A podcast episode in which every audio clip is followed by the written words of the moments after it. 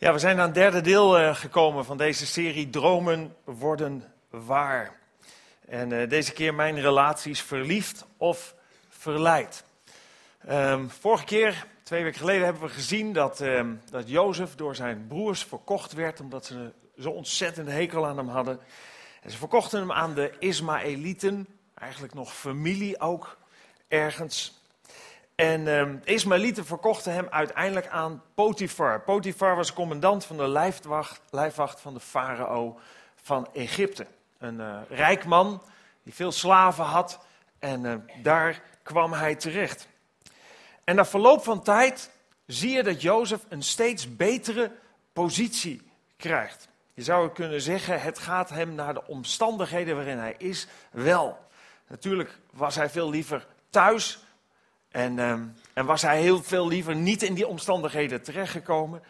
Maar de omstandigheden zelf waren niet zo beroerd. Het werd eigenlijk steeds beter voor hem.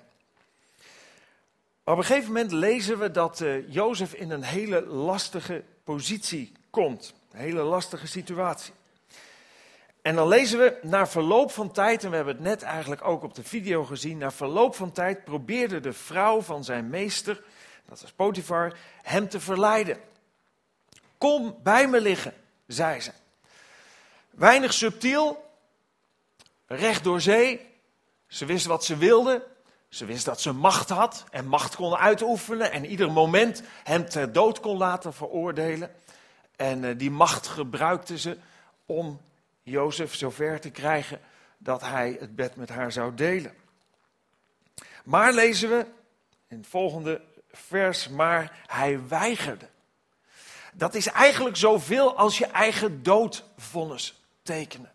Hij weigerde en zei: Mijn meester bemoeit zich niet meer met de gang van zaken in huis nu ik hier ben. Hij heeft mij al zijn bezittingen toevertrouwd. Niemand heeft in dit huis meer te zeggen dan ik. Hij heeft me niets onthouden behalve u, omdat u zijn vrouw bent. Ik zal zo'n zware misstap niet begaan. En je zou misschien verwachten dat hij bedoelt te zeggen: eh, eigenlijk is de omstandigheid, ondanks het feit dat ik slaaf ben, zo goed. En word ik door Potifar zo goed behandeld en heb ik zo'n zo'n mooie positie gekregen. Ik wil zo'n zware misstap niet ten opzichte van hem begaan. Maar dat is niet wat hij zegt. Hij zegt, ik zal zo'n zware misstap niet begaan. Het zou tegen Gods wil zijn. In de eerste instantie vindt hij het helemaal niet het belangrijkst wat zijn baas ervan vindt, of wat wie er dan ook van vindt. In de eerste instantie vindt hij het belangrijk wat God ervan vindt. En waarom hecht Jozef nou zoveel waarde aan Gods principes. Zelfs op momenten dat het hem zijn leven zou kunnen kosten. Dat is omdat hij weet, zo jong als hij is, nog geen twintig, dat er niets is in het leven dat waardevoller is dan de kaders die God ons geeft. Dan de kaders die God geeft. Dat zijn soms de dingen waar we, waar we zo ontzettend moeite mee hebben juist. Zeker ook als, als, als we niet kerkelijk zijn, niks hebben met de Bijbel, God niet kennen. Het enige wat je dan vaak weet is, oh, kerk en God, dat kan ik meteen associëren met dit mag niet en dat mag niet en dit moet vooral wel en dat moet vooral wel. Eigenlijk altijd maar vanuit een negatieve houding. Terwijl er niks in de Bijbel staat eigenlijk, God niks aanreikt met een andere reden dan je geven waar het meest naar verlangt. Naar je geven waar je gelukkig van wordt. En Jozef begreep dat heel goed. Jozef wist al lang hetgene wat pas jaren later aan het papier of aan het papyrus werd toevertrouwd. Gedeelte wat geschreven is door de bekende en beroemde koning David. Die zei het volgende. De richtlijnen van de Heer zijn volmaakt. Ze geven levenskracht. Dus die, dus die dingen die God zegt, van doe dit nou niet, of doe dit nou juist wel, Die zijn volmaakt, ze geven levingskracht. Wat de Heer afkondigt is betrouwbaar. Het maakt de onervarene wijs. Wat de Heer beveelt is juist. Het is een bron van vreugde, van geluk. Wat de Heer gebiedt is zonneklaar, de ogen gaan ervan stralen. Het woord van de Heer is zuiver. Altijd blijft het gelden. Dit werd duizenden jaren geleden opgeschreven. De, de kaders die God aan de mensheid, die hij gemaakt heeft, heeft gegeven, zijn nog ouder, maar ze zijn altijd geldend. Of je naar goede tijden, slechte tijden kijkt, of je leest het verhaal van Jozef, het is hetzelfde verhaal. Het zijn dezelfde thema's, er gebeuren dezelfde dingen en er gelden ook dezelfde kaders voor die God wil aanreiken. Om met dat soort situaties te dealen. Het is altijd geldend. De uitspraken van de Heer zijn betrouwbaar. Hun juistheid valt niet te betwisten. Waarom niet? Omdat God iedere keer bewijst dat wat Hij zegt waar is. Dat wat Hij voorspelt uitkomt. God is betrouwbaar. Wat Hij zegt, de kaders die Hij geeft, zijn kaders waar je gelukkig van wordt. Vandaar ook dat de zoon van David, die ook heel veel geschreven heeft, Salomo, de beroemde koning, de wijze koning Salomo, het volgende zegt. Vertrouw met heel je hart op de Heer en verwacht het niet van je eigen verstand. Waarom niet? Is ons eigen verstand dan niet goed? Moeten we maar als een stel domme schapen achter, achter andere regels aanlopen? Nee, je mag je verstand gebruiken. En je kunt je verstand in heel veel situaties gebruiken. alleen er zijn situaties waarbij je niet weet wat je moet kiezen en wat verstandig is. Omdat je dood eenvoudigweg de gevolgen van zo'n keuze niet kunt overzien. Vandaar dat Salomo zegt: Vertrouw met heel je hart op de Heer en verwacht het niet van je eigen verstand. We zullen het allemaal wel eens ervaren hebben. We zullen allemaal wel eens hebben gezegd: had ik dat maar geweten? Of had ik dat maar nooit gedaan? Dat is waarom God kaders geeft, richtlijnen geeft voor ons leven, om te voorkomen dat ons dingen overkomt, overkomen die dramatisch zijn, die ernstig zijn in je leven. Jozef was zich heel bewust van het feit dat het buiten Gods kaders gaan geen geluk, maar ongeluk brengt. Vandaar dat we lezen, hoewel ze, en dat is de vrouw van Potifar, iedere dag opnieuw aandrong, liet Jozef zich niet overhalen met haar te slapen.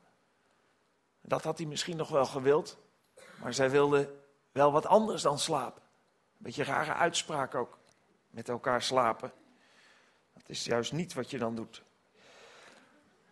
Daar was op uit. Ze wilde hem in bed hebben, ze wilde seks met hem hebben. Heel radicaal ging ze op haar doel af. En kan je vragen, ken jij dat soort verleiding ook?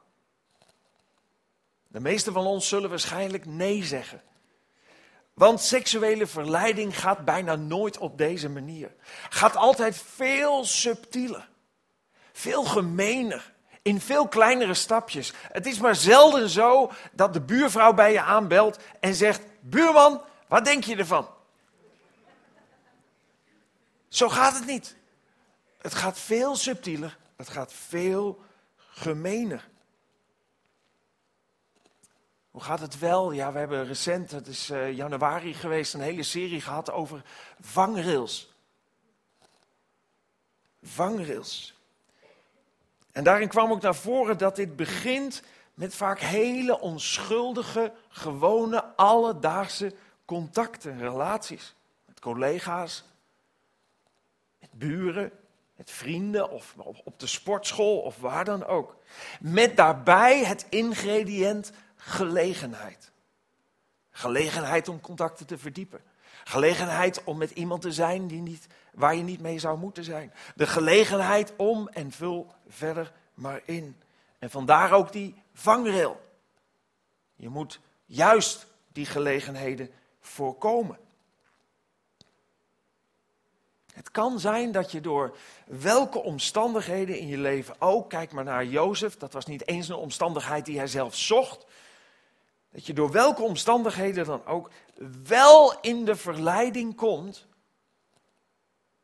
om op het gebied van relaties of seksualiteit over grenzen heen te gaan.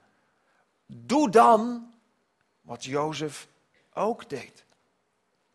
We lezen, hoewel ze iedere dag opnieuw aandrong, liet Jozef zich niet overhalen met haar te slapen. Op een dag toen hij het huis binnenkwam om zijn werk te doen en er niemand anders van het personeel aanwezig was, pakte ze hem beet en zei: Kom bij me liggen. Maar Jozef vluchtte naar buiten. Zijn bovenkleed hield ze in haar hand.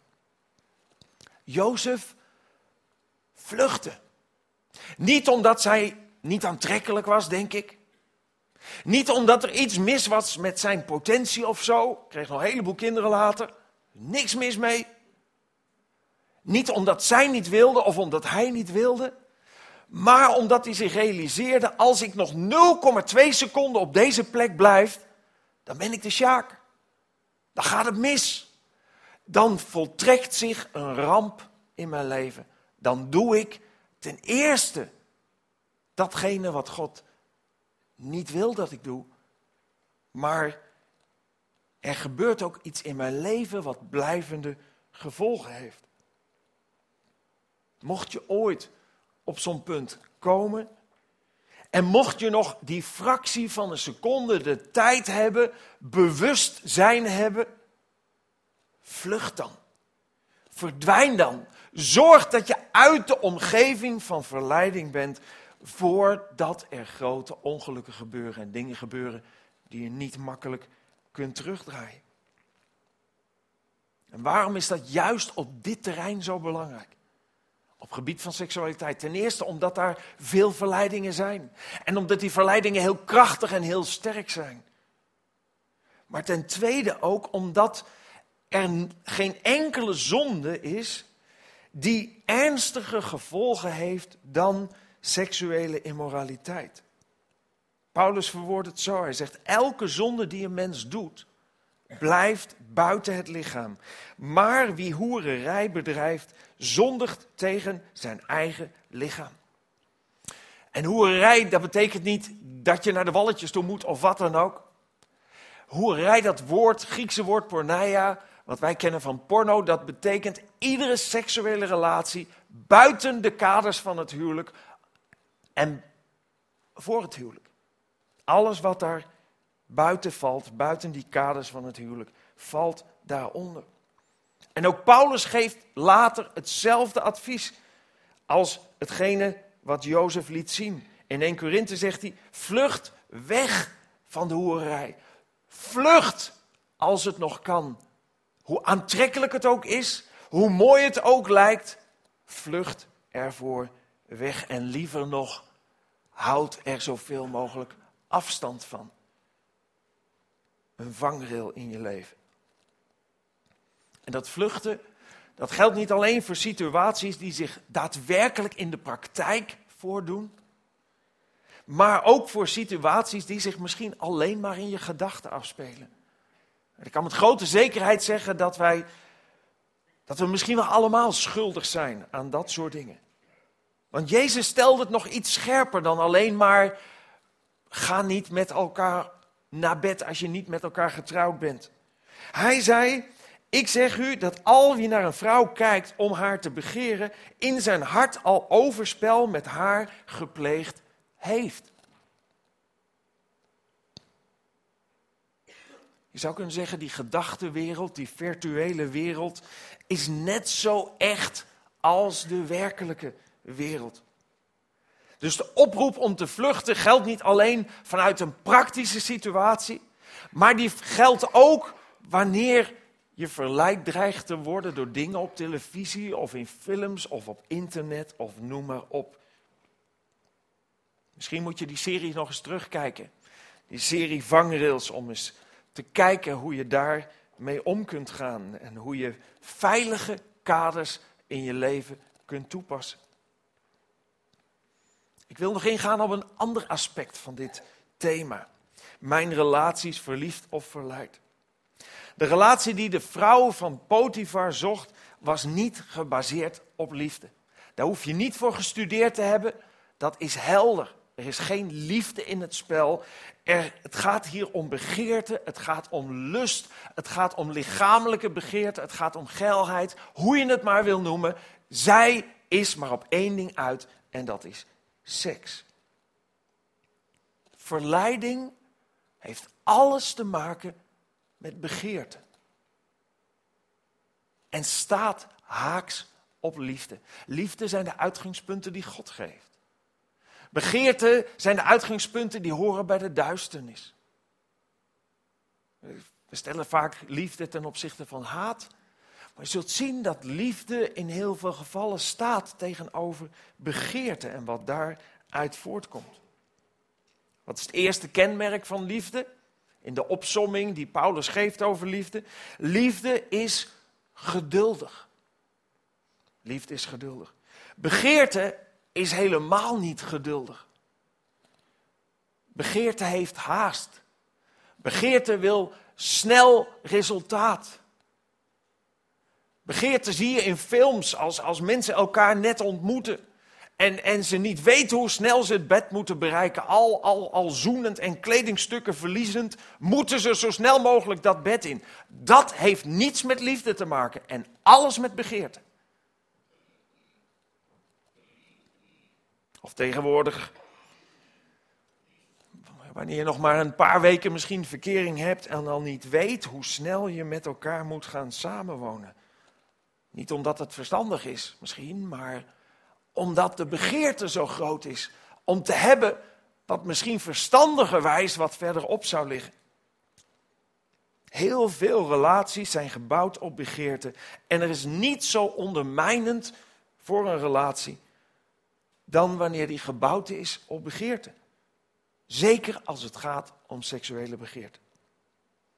We lezen in het boek Hooglied. Het boek Hooglied is een, is een wat lastig boek om te lezen. Het is een beetje poëtisch en, en gaat veel over seksualiteit en over een, over een relatie tussen een man en een vrouw die zich door het huwelijk aan elkaar hebben verbonden. En af en toe krijg je er rode oortjes van als je het leest. Maar het zegt ook iets heel belangrijks als waarschuwing. Er staat namelijk, ik bezweer u, dochters van Jeruzalem, dat u de liefde, en het gaat hier over seksualiteit, niet opwekt of aanwakkert voordat het haar behaagt. Oftewel, doe de volgorde goed. Begin er niet mee, maar laat het een kroonstuk zijn van iets waar je naartoe onderweg gaat. Leer de zegen van de uitgestelde behoeftebevrediging. Voordat je met iemand een bestendige relatie aangaat, moet je er eigenlijk achter komen in hoeverre je partner in staat is om begeerte in de hand te houden. Want als dat voor het huwelijk niet lukt, dan lukt dat in het huwelijk ook niet. En juist daarom is het al verstandig om te kijken en te oefenen. En sterk te zijn en karakter te ontwikkelen. Het is niet omdat God het ons niet gunt, dat hij zegt, eerst die belofte van trouw, dan de seksualiteit. Nee, het is omdat hij zegt, die seksualiteit, wil dat iets moois blijven, dan zul je daar verstandig mee om moeten gaan en zul je daar naartoe moeten werken. Eerst die geestelijk emotionele eenwording. Eerst laten zien dat je karakter hebt om met die begeerte om te gaan. Voordat je met elkaar het huwelijk instapt. Ook samenwonen is vaak gebaseerd op begeerte. Zo snel mogelijk bij elkaar zijn. Ja, want dat willen we graag. En begrijp me goed, ik heb helemaal niets tegen samenwonen. Ik vind het geweldig als een jong koppel gaat samenwonen. Als ze maar eerst trouwen.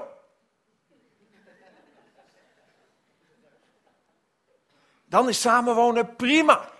En dan biedt dat geweldige perspectieven en dan is dat fantastisch om dat te hebben. Eerst die emotioneel-geestelijke voorbereiding, voordat je wel overwogen, je hebt er goed over nagedacht, een keuze maakt om je voor het leven met elkaar te verbinden. En daar is seksualiteit het kroonstuk van de belofte. Zo ontzettend veel relaties ontstaan vanuit begeerte. En de kans van slagen is niet erg groot. En we hoeven alleen maar om ons heen te kijken, waar één op de twee huwelijken strandt om te weten hoeveel daar fout gaat. En er gaat veel meer fout dan huwelijken die stranden, omdat dingen niet bekend zijn of gelukkig er soms ook herstel mogelijk is. Het andere uiterste is een trainingstijd die sommigen kiezen die zo lang is. Die hebben twintig jaar verkering of zo. Dat is ook niet de bedoeling, daar gaat het niet om. Je hoeft niet eindeloos alles op de rit te hebben. Paulus zegt, het is beter om te trouwen dan door verlangen verteerd te worden. Je hoeft niet eerst je studie afgerond te hebben of een heleboel geld te hebben voor de bruiloft of, of je huis, een fantastisch huis te hebben of zo. Nee, als de tijd er rijp voor is, is het goed om te trouwen. Trouwen kost niks. Echt. Ja, tenzij je zegt, ja, maar ik vind um, een grote bruiloft belangrijker dan um, een moment waarop we elkaar trouwen loven. He, dat is vaak zo. Nou, we gaan maar vast samenwonen, want we hebben nog geen geld om te trouwen. Of het is economisch beter of wat dan ook. Van allerlei redenen om de volgorde om te keren, om het anders te doen dan God de richting wijst. En dan vragen we ons af, waarom is het fout gegaan? Wat ging er fout? Nou, dat ging er fout. Ten slotte speelt liefde en begeerte ook een rol in het huwelijk. Begeerte kiest namelijk altijd de tegenovergestelde richting als liefde. Ik zal dat liefde nog even verder doorlezen. Je hebt het misschien al wel tientallen keren gehoord, maar die tekst is belangrijk omdat we dit juist in de praktijk moeten brengen in onze relaties. De liefde is geduldig, lazen we net al. De liefde is vriendelijk. De liefde is niet jaloers. Zij doet niet gewichtig en is niet trots. Zij kwetst niet. Zij is niet egoïstisch. Nou, begeerte is verschrikkelijk egoïstisch. En voelt zich nooit beledigd. Zij neemt niemand iets kwalijk. Zij is niet blij met onrecht, maar juist met de waarheid. Begeerte is altijd het tegenovergestelde van deze dingen die je leest. Begeerte staat haaks op liefde. En begeerte is dodelijk voor de relatie. Jacobus, de broer van Jezus, zegt: Maar ieder mens wordt verzocht als hij door zijn eigen begeerte wordt meegesleurd en verlokt. Oftewel, we hebben allemaal last van begeerte. We hebben allemaal begeertes om dingen te doen die eigenlijk niet oké zijn. En er zijn allemaal momenten in het leven van ons allemaal waarop die begeerte opspeelt, wanneer die een rol speelt, wanneer die een appel op je doet. En dan zegt hij, daarna, wanneer de begeerte bevrucht is, hè, dat betekent dus wanneer je niet weerstand dient tegen je begeerte, wanneer je niet op de vlucht gaat voor je begeerte, wanneer je niet een vangrail zet, ver voordat de begeerte een rol begint te spelen. Daarna, wanneer de begeerte bevrucht is, wanneer je daadwerkelijk je begeerte de vrije loop laat, baart ze zonde. Wat betekent dat? Doet ze iets wat haak staat op liefde. Want God is liefde en wanneer we buiten de liefde staan, staan we buiten God. En dat noemt de Bijbel zonde. Baart ze zonde, brengt ze zonde voort, zou je kunnen zeggen. En wanneer de zonde volgroeid is, baart ze de dood. Wanneer deze dingen zich opstapelen, brengt ze uiteindelijk een breuk in de relatie. Dat is wat er gebeurde in de relatie tussen God en de mens. Denk maar even aan Eva, die vanuit haar begeerte om verstandiger te worden, of net zo verstandig als God, zich liet verleiden om dat te doen wat God verboden had. Maar het geldt voor ons allemaal. Want alle mensen hebben gezondigd. En het maakt de relatie tussen ons mensen en God kapot. Er komt een breuk door je begeerte laten gaan.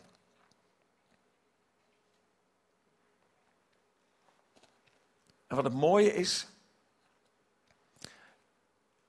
is aan de ene kant het negatieve, de wetenschap. Eh, we hebben ons allemaal door onze begeerte laten leiden. We hebben allemaal gezondigd. We hebben allemaal dingen gedaan die niet goed voor ons leven zijn en die tegen God zijn.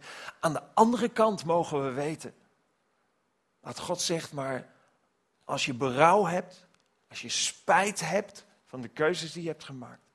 En je wil een keuze maken om je leven anders in te richten.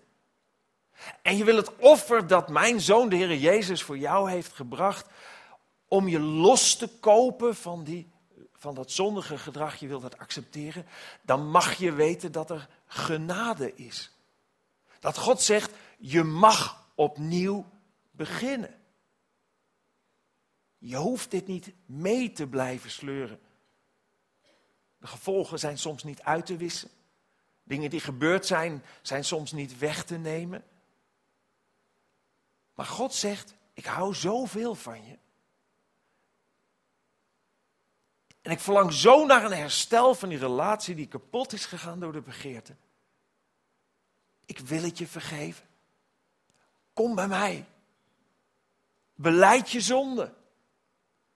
Kies ervoor om een andere weg te gaan.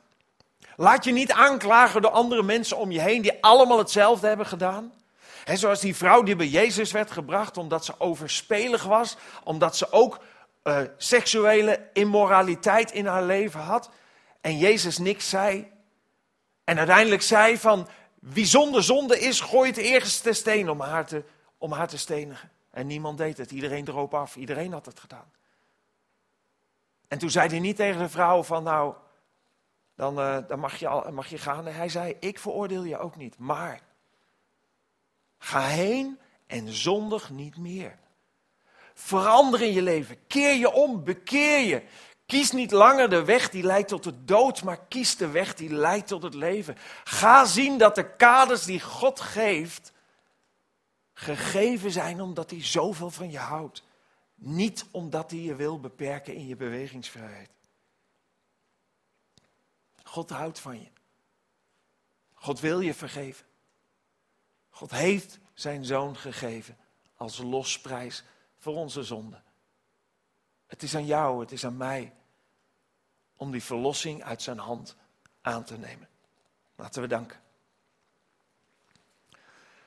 Dank u wel, Heere God, dat er bij u genade is. Niet omdat wij het verdiend hebben, maar omdat u zoveel van ons houdt. Dat u zelfs uw zoon naar deze wereld heeft gestuurd. Om met zijn leven te betalen voor onze zonden. Dat hij ons vrijkocht daardoor uit de gevangenschap. Dat hij ons losmaakte uit de klauwen van de Satan. En dat we door hem vrijheid mogen krijgen. Heer, en het is uw verlangen om ons zoveel mogelijk vrijheid te geven. Maar binnen die veilige kaders die u kent voor ons leven. Heer, wilt u ons helpen om uw uitgestrekte hand aan te nemen.